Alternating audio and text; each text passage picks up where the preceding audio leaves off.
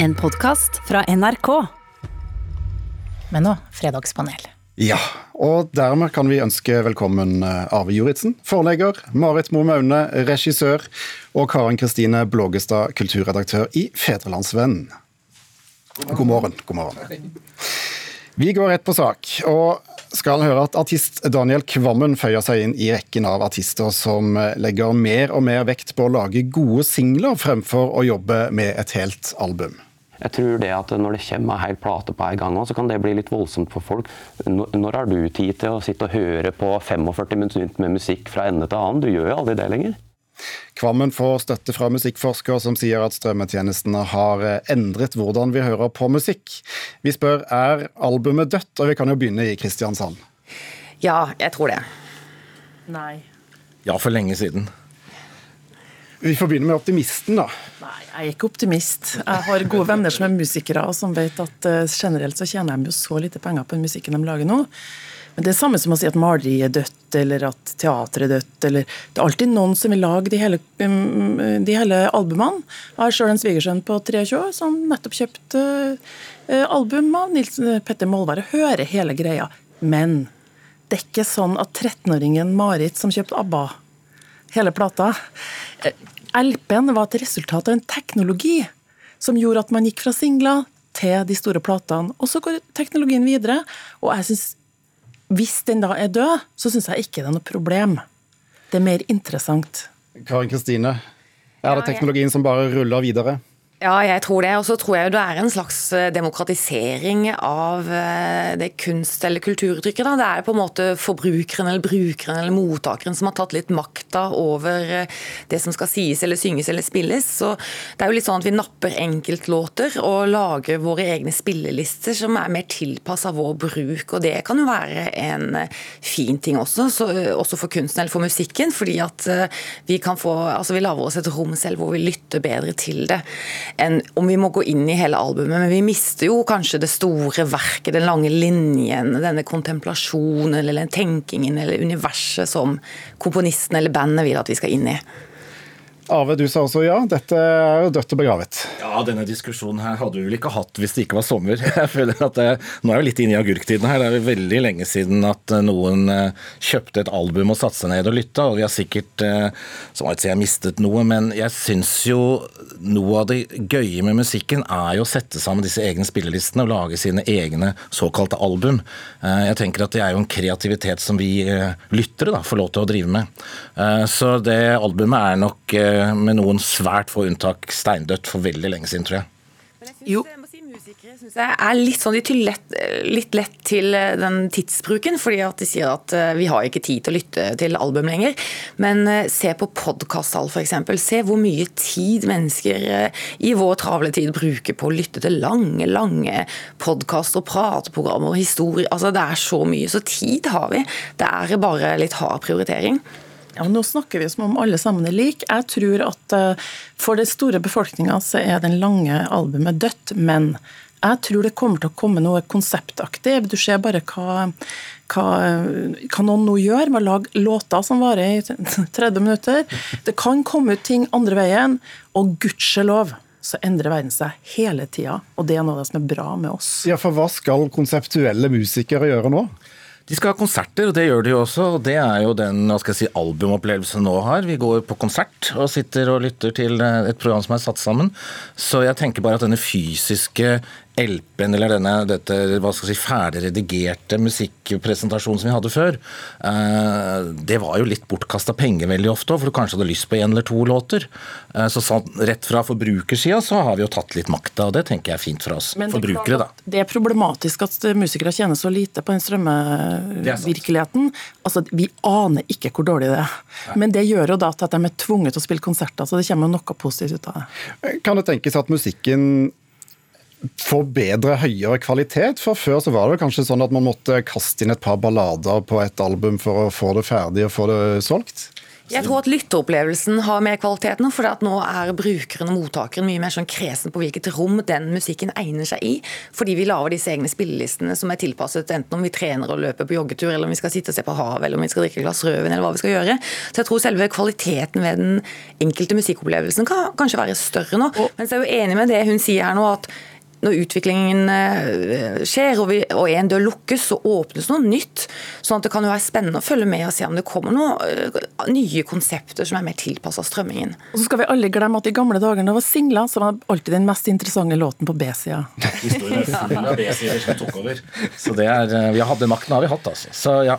Og kanskje har hiphopartisten Kanye West eh, mange B-sider eh, i sin karriere så langt. Nå har han lansert og trukket seg og relansert seg selv som presidentkandidat i USA.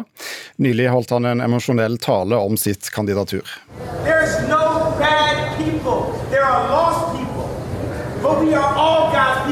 There's no left, right, red, blue. That's why Med lilla hår eh, sa han at det ikke finnes noe høyre, venstre, rødt eller blått. Vi er alle like i Guds øyne. Få tar hans politiske ambisjoner seriøst, men kan det likevel være god PR for Kanye West som artist å stille som presidentkandidat? Ja. Nei. Karen Kristine. Ja, det tror jeg. Arve, du får begynne. Ja, nei, altså, Han har jo nå en lang tid eh, gjort veldig mye rart i tillegg til musikken sin. Han har vært pastor, han har lagd kristne konseptalbum. Eh, dette siste vet jeg ikke helt om vi skal skrive på PR eh, hva skal jeg si, budsjettet, eller om vi skal skrive det på helsebudsjettet. Det er vel tydelig en person som går igjennom noen problemer vi ser her. og Familien hans har prøvd å ta han i forsvar, så dette kan jo kanskje være tristere historie enn en ren PR-messig. Men han er på forsiden av alle nettsteder, og det selger selvfølgelig plater. Marit? Ja, det er jo ikke klart at det her, Han har jo sjøl sagt i friskere perioder at han har en bipolar lidelse. Og det var en ganske sjuk fyr tror jeg, som sto der, og det var også en gang da han spratt opp og, og tok Taylor Swift. Og det er klart sånn, Så kan man si lønne seg som artist, da. Ja, kanskje jeg tenker litt for mye på om det lønner seg han in the long run. Det er klart Han har vært litt uheldig som bipolar, eh, en, bipolar lidelse, for han har kommet i en familie som eksponerer alt det private. Og så går de nå ut, kona hans går ut nå og sier han er sjuk, vær så snill beskytt den. Men samtidig har hun dratt han inn i en, en rein Altså Hele deres karriere er jo å synliggjøre sitt private. Og jeg tror ikke det blir noe friskere av det. For han har jo da, som du sier, en familie med, med egen TV-serie på amerikansk fjernsyn. Og, og, han har jo også et apparat rundt seg som artist som tilsynelatende støtter opp om dette? Jeg trodde aldri jeg skulle bekymre meg for han. Men jeg må si det at når det her kom, så tenkte jeg, så ser man jo egentlig at han her egentlig trenger å beskyttes, eller kanskje trenger å få være litt i fred, da. Men det er klart at det er ikke opplegget til den familien, så de må kanskje ta den prisen det koster. Er det bekymring å spore i Kristiansand? Ja, men ikke så veldig. For jeg tenker at den offentligheten rundt uh, sånne stjerner i USA er veldig annerledes uh, enn i Norge. Og det er liksom ikke P2-segmentet han snakker til. Så smerteterskelen for hva som er kleint og sykt og helsefarlig, og hva han har å tape og sånn, er annerledes. Så han har jo ikke noe politisk prosjekt. Det virker jo mer som et sånt religiøst prosjekt. Så det er liksom ikke så mye Altså, han har ikke noen fallhøyde politisk, på en måte. Han er jo religiøs og derfor abortmotstander og litt sånn ko-ko vaksinemotstander. Men eh, det virker bare sykt. Men jeg tror ikke han har så mye å tape på det. Jeg tenker PR er god PR eh, for han i forhold til sitt publikum i USA.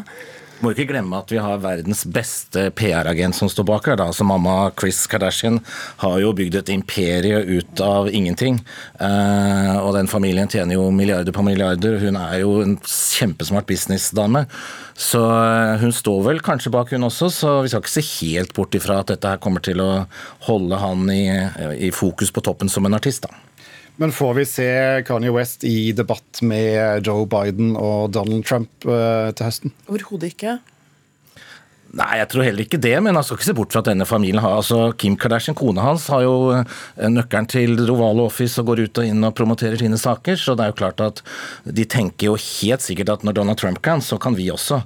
Så eh, at det diskuteres sånn i denne familien, det vil ikke forundre meg helt tatt. Vi får komme oss hjem igjen og til fjells. Det var kaotisk.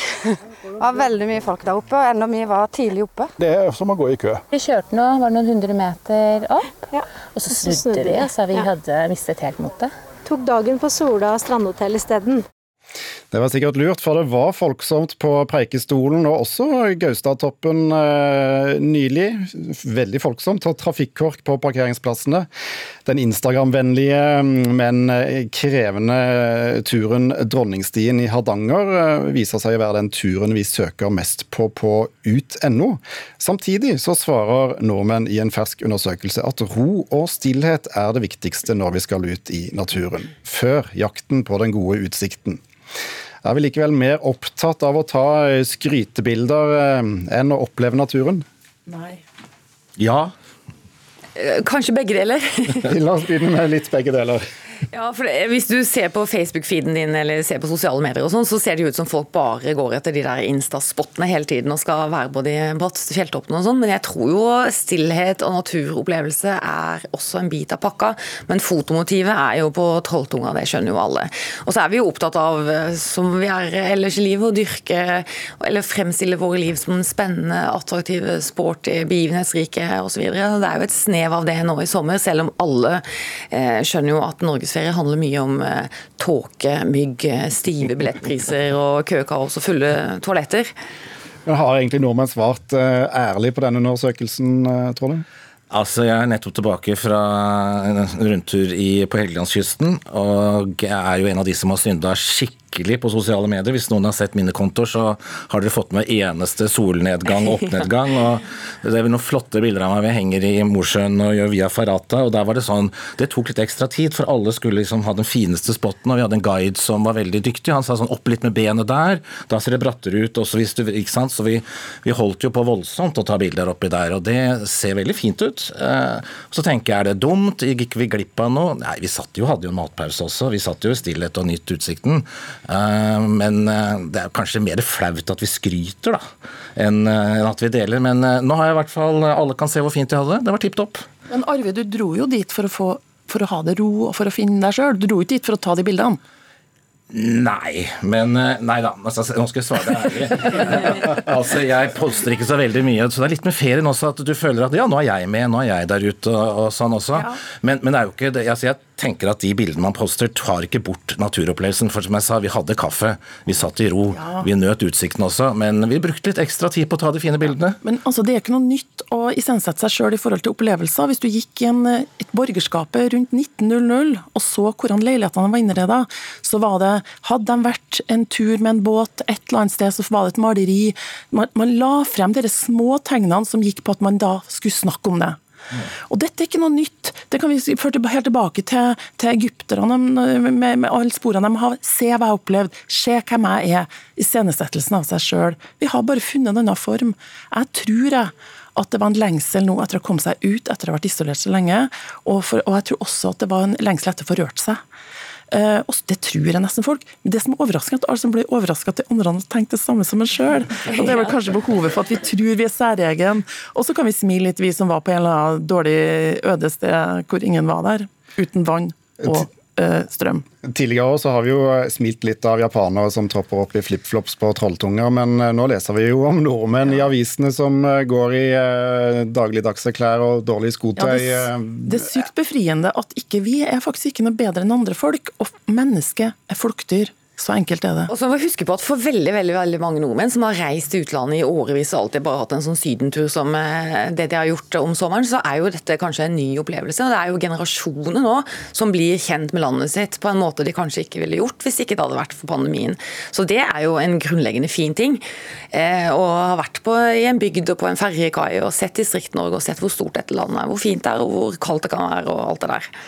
Og med det så er det en hel uke til vi får høre fra Fredagspanelet igjen. Takk til Karen Kristine Blågestad, Marit Moe Maune og Arve Juritzen. Du har hørt en podkast fra NRK. Hør flere podkaster og din favorittkanal i appen NRK Radio.